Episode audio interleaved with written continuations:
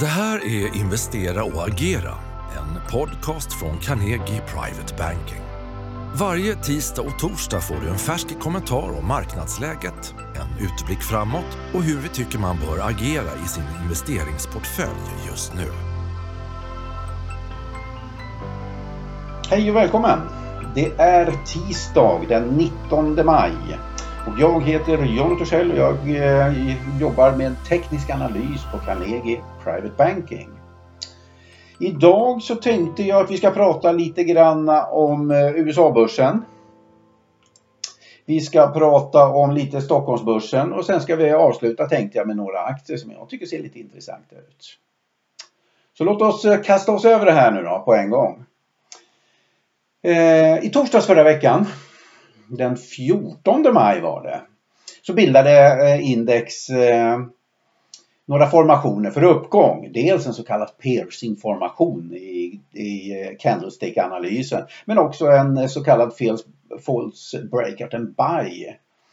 Det vill säga en signal då som när index går ner under en stödnivå och sen vänder upp över en stödnivå så, så effekteras den här signalen. Det är lite en sån här favoritsignal. Jag har skrivit om den här i min, i min bok också, Teknisk analys med John Torssell.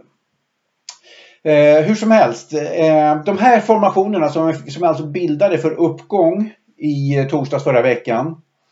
De brukar vara ganska tillförlitliga och leda då till en, eh, till en i alla fall kortsiktig uppgång. Och efter det så har vi fått en ganska bra rörelse nu på uppsidan. Och ett första motstånd möter nu vid den 29.50.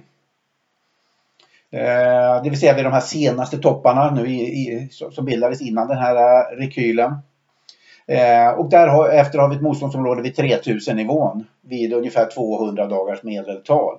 Om eh, även den nivån skulle passeras här nu så möter nästa in vid 3100 någonstans. Så att på kort sikt så har jag här eh, köpsignalen då som senaste signal och är lite positiv.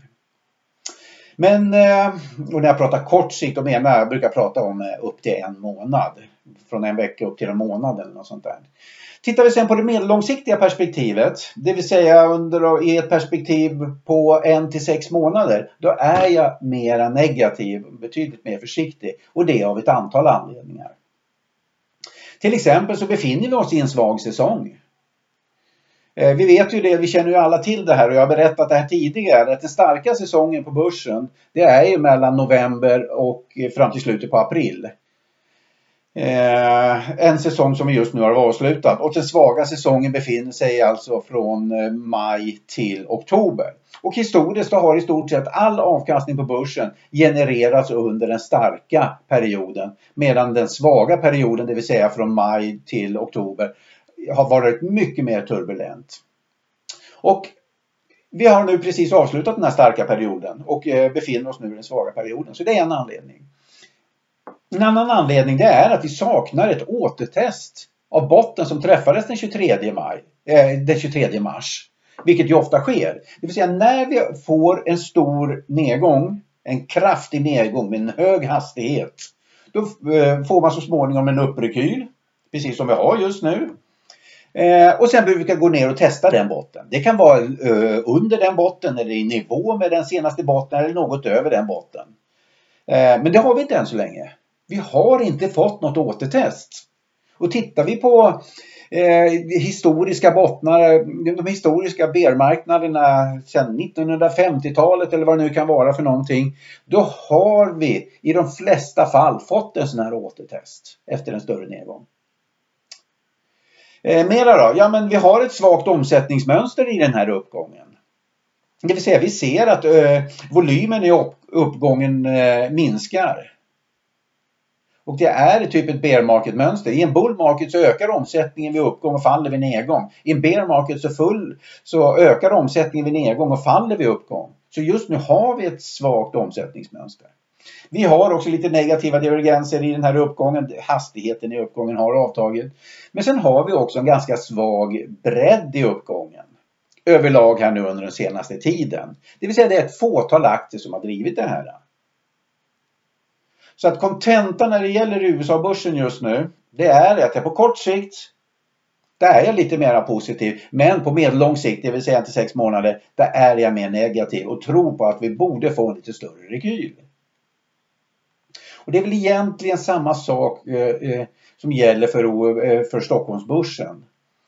Eh, för vi, vi, vet ju det, dit USA går, dit går vanligtvis också Stockholmsbörsen. Så att eh, när det gäller Stockholmsbörsen då så det, det har varit en stökig bild, eh, stökig bild under den senaste tiden. Eh, vi befinner oss i någon typ av konsolidering. Vi har nu ett första motstånd vid en 1573 eh, eh där någonstans. Där index stängde här i, måndags efter den här starka uppgången i måndags. I stort sett strax därunder. och sen har vi ett nästa motstånd vid 1607 då. Om det här området passeras Eh, så siktar jag på en uppgång någonstans mot en 1650-1660 någonstans. Där möter, där möter 200 dagars medeltal. På nedsidan nu så möter stöd vid en 1460 1470 området någonstans. Men det är ändå, vi kan ändå konstatera att marknaden är ju ändå stark.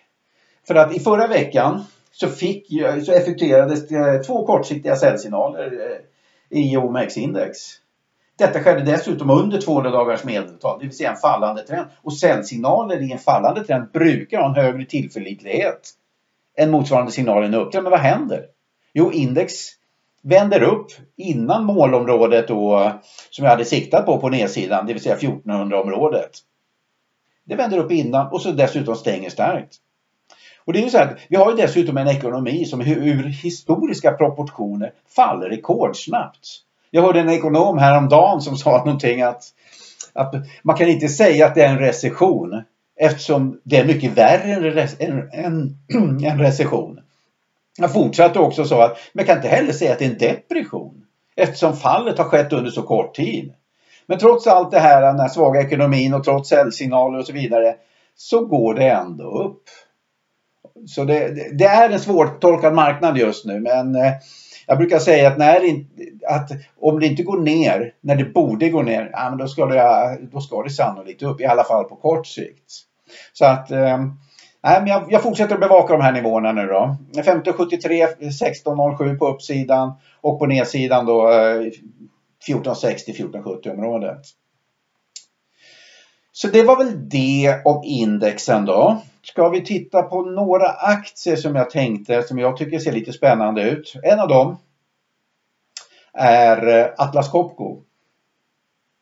Aktien befinner sig i en konsolidering och eh, har ett motståndsområde strax under 360 spänn här någonstans. Men jag tycker ändå att det här ser spännande. Skulle vi få en lite starkare börs börsen säger skulle bryta upp och börja röra sig upp mot en, de här 200 dagars medeltal då vid 1650 1660. Eh, eh, då, kommer vi få den här köpsignalen i Atlas Copco tror jag. Det ser ut som att det bara väntar på, på ett rally. Och då kommer vi få den här rörelsen upp mot över 400 spänn i alla fall skulle jag gissa på. Eh, en annan aktie som jag håller ögonen på som jag tycker ser lite spännande ut. Och det är Epiroc. B.